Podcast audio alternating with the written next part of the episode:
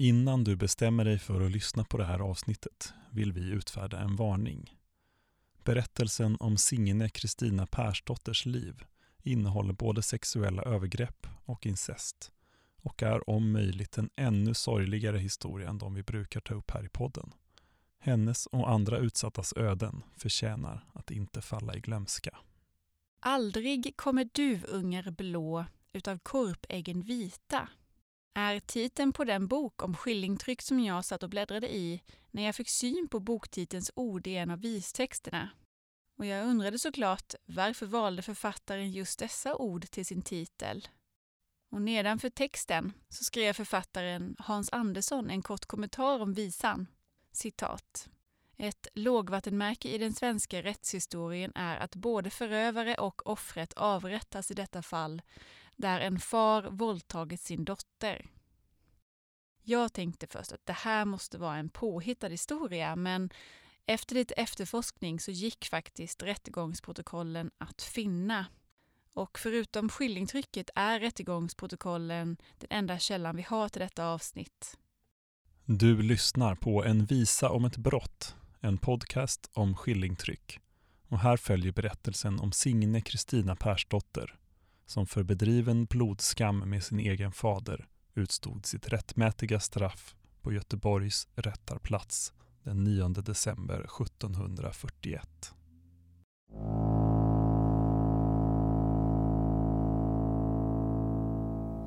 Jag var som nogaste tretton år som rosen min fader odygdelig efter mig går. Att odygdelig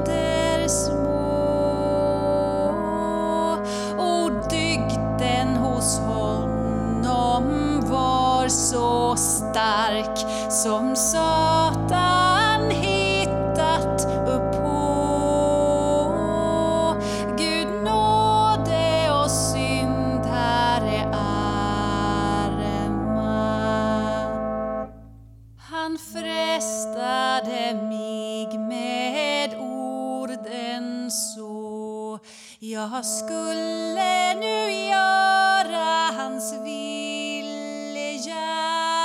Då kunde jag ej därpå förstå vad som han hava ville. Gud nåde oss syndare arma. Där tog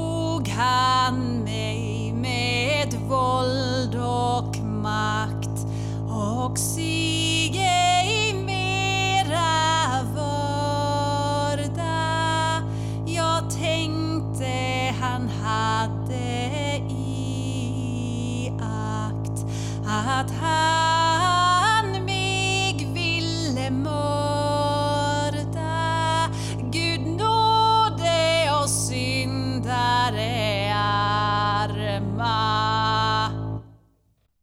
Signe Kristina Persdotter föddes år 1708 eller 1709, sannolikt i Kristiansund i Norge. Hennes mor hette Inger Kristensdotter och hennes far Per Amundsson Björkeland. Han föddes ungefär år 1676. Vi vet ingenting om Signes liv före den dag som kom att nämnas under en rättegång ungefär 20 år senare. Signe var endast 14 år när hennes far en dag befallde henne att gå ut i skogen för att plocka bär. Även fadern gick ut i skogen. I rättegångsprotokollet står det att han är i skogen för att skjuta, vilket överensstämmer med visan där det står att han är i skogen för att skjuta fåglar. I faderns eget vittnesmål berättade han att han hade tagit henne fast och därefter för första men tyvärr långt ifrån sista gången våldtagit henne. Signe Kristina Persdotter berättade själv i rätten hur hennes far missbrukat sin faderliga makt och myndighet och emot hennes vilja med våld främjat sin onda lusta. Jag klagar det för min moder kär det snaraste som jag kunde En fader i skogen där. Mig skämde ut i den lunden. Gud nåde oss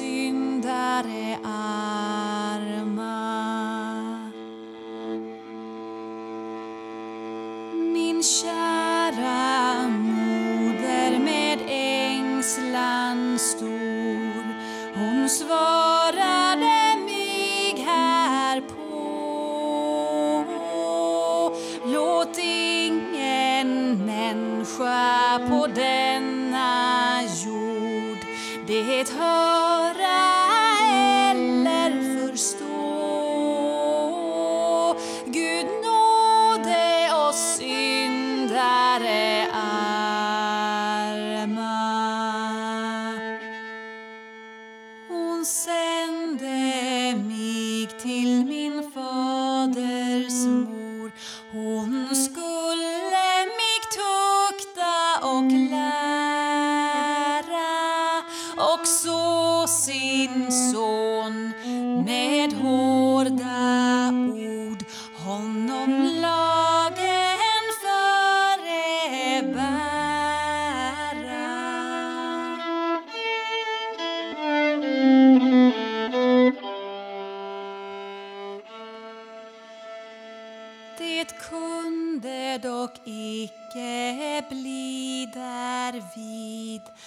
synden daglig ökte. Min fader lämna mig där ej frid. Men stundelig mig försökte. Gud nåde oss syndare all. Det stod som mest ut i fyra år. Tills namnen kom ut i rykta då syntes bäst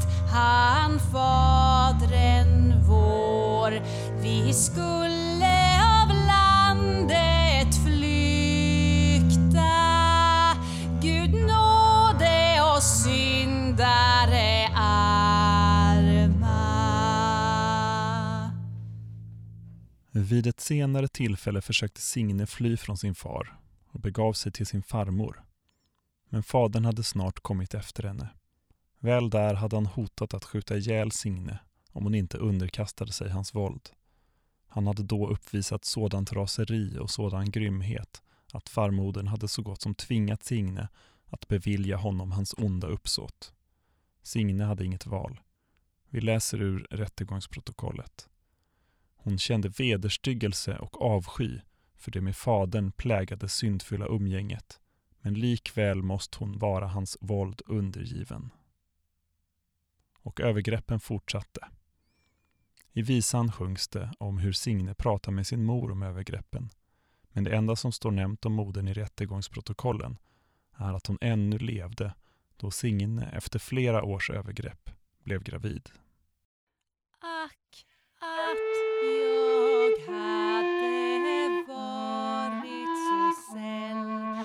är jag med.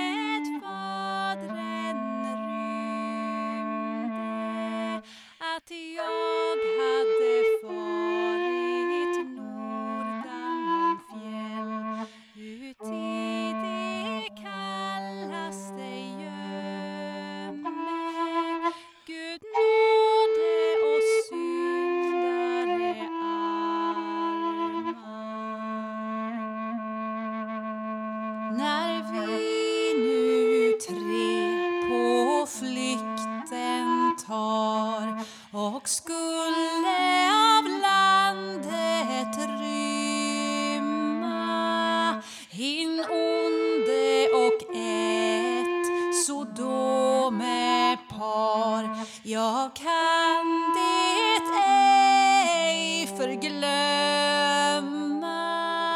Gud nåde oss syndare arma.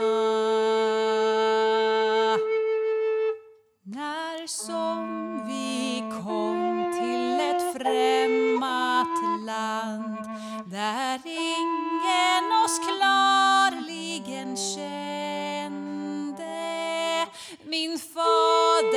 han blev till en tyrann. Sitt sinne han snarligen omvände. Gud nåde oss syndare arma. Min fader utan girighet snöd. Att slava. Jag skulle på landet förtjäna vårt bröd. Med räfsa och skära och grava. Gud nåde oss syndare arma när ändat var då sommaren lång och snön över bergen månd ligga så drev han mig ut för utan all trång. Jag skulle på landet till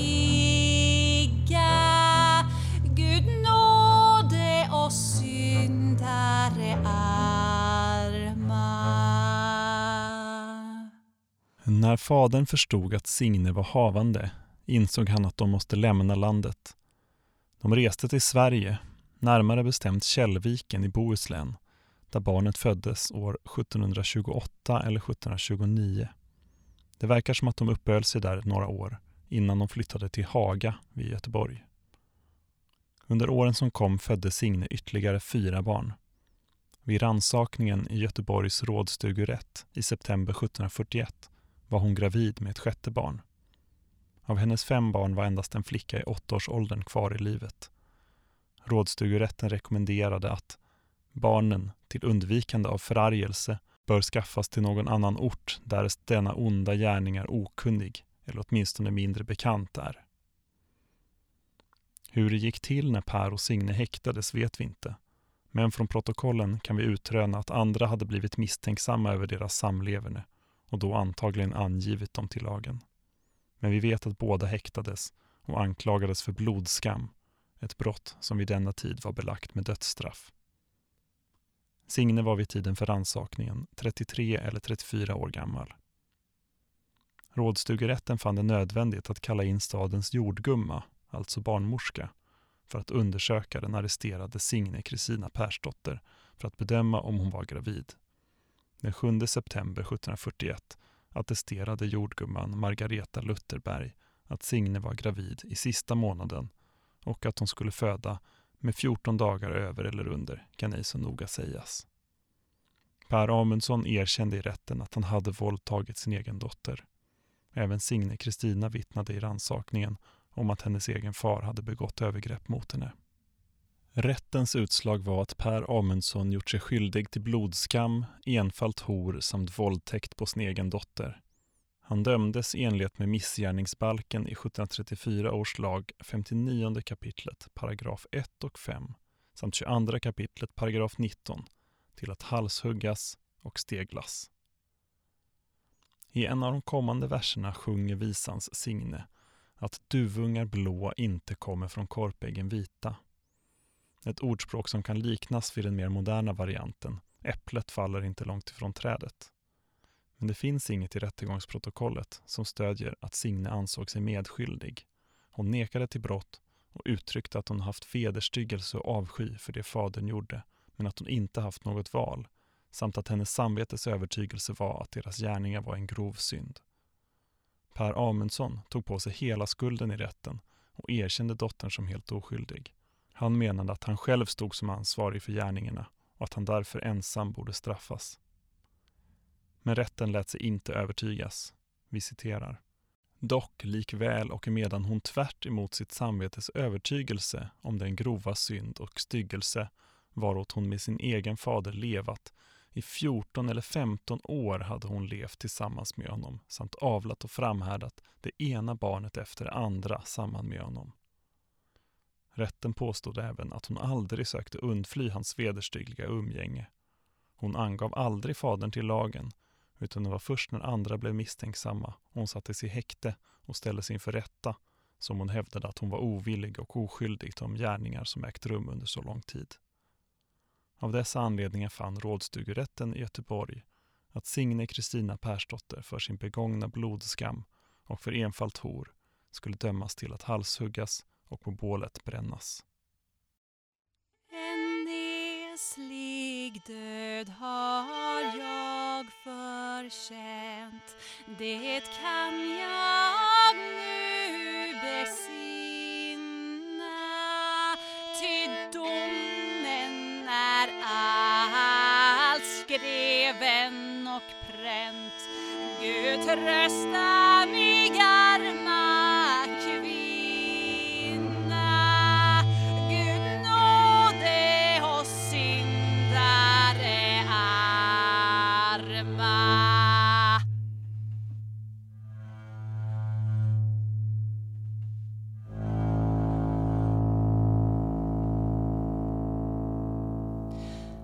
När sorgeröster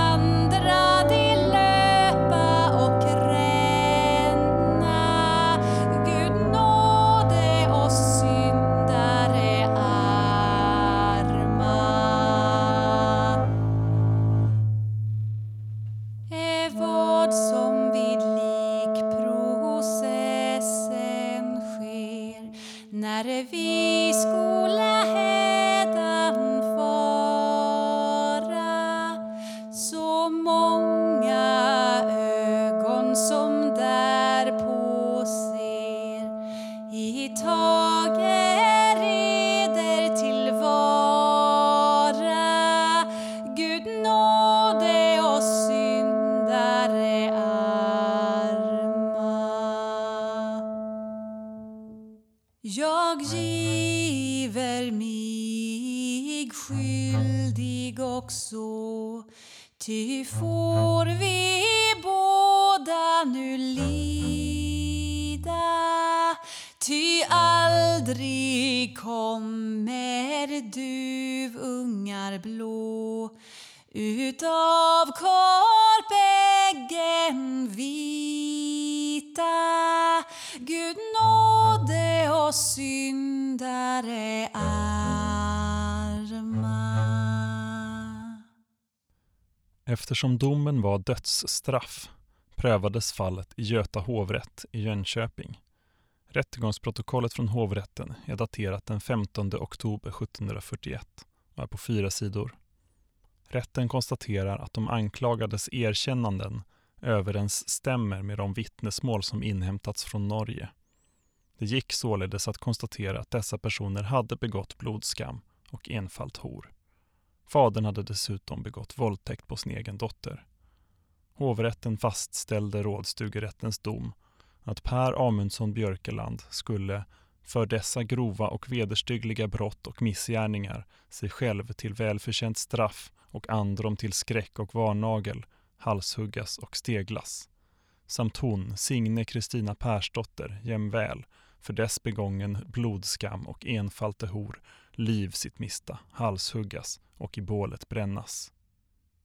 Avrättningen ägde rum på Göteborgs rättarplats den 9 december 1741. Dagens visa är inte framförd i sin helhet. Utöver de 20 verserna framförda i detta avsnitt så finns det ytterligare nio verser. Hela skillingtrycket hittar du på vår hemsida. Adressen dit är som alltid envisaomettbrott.se På Youtube har vi lagt ut visorna från alla avsnitt i sin helhet. Sök på En visa om ett brott eller följ länkarna från poddens avsnittsinformation. Visan framfördes med den i skillingtrycket angivna melodin. Föreställt uti en botfärdig klagevisa och sjunges som himmelsriket liknas vid tio jungfrur. Varken författare eller tryckeri anges i skillingtrycket. Visan uppges vara tryckt i år, vilket tolkats som år 1741. Stort tack till Karin Eng och Knapp-Karin Norfors som hjälpt oss med inspelning av musik till detta avsnitt. Tack även till Viktor Kronmar som gjort ljudmix av musiken till avsnittet. Och sist men inte minst, stort tack till dig som lyssnat.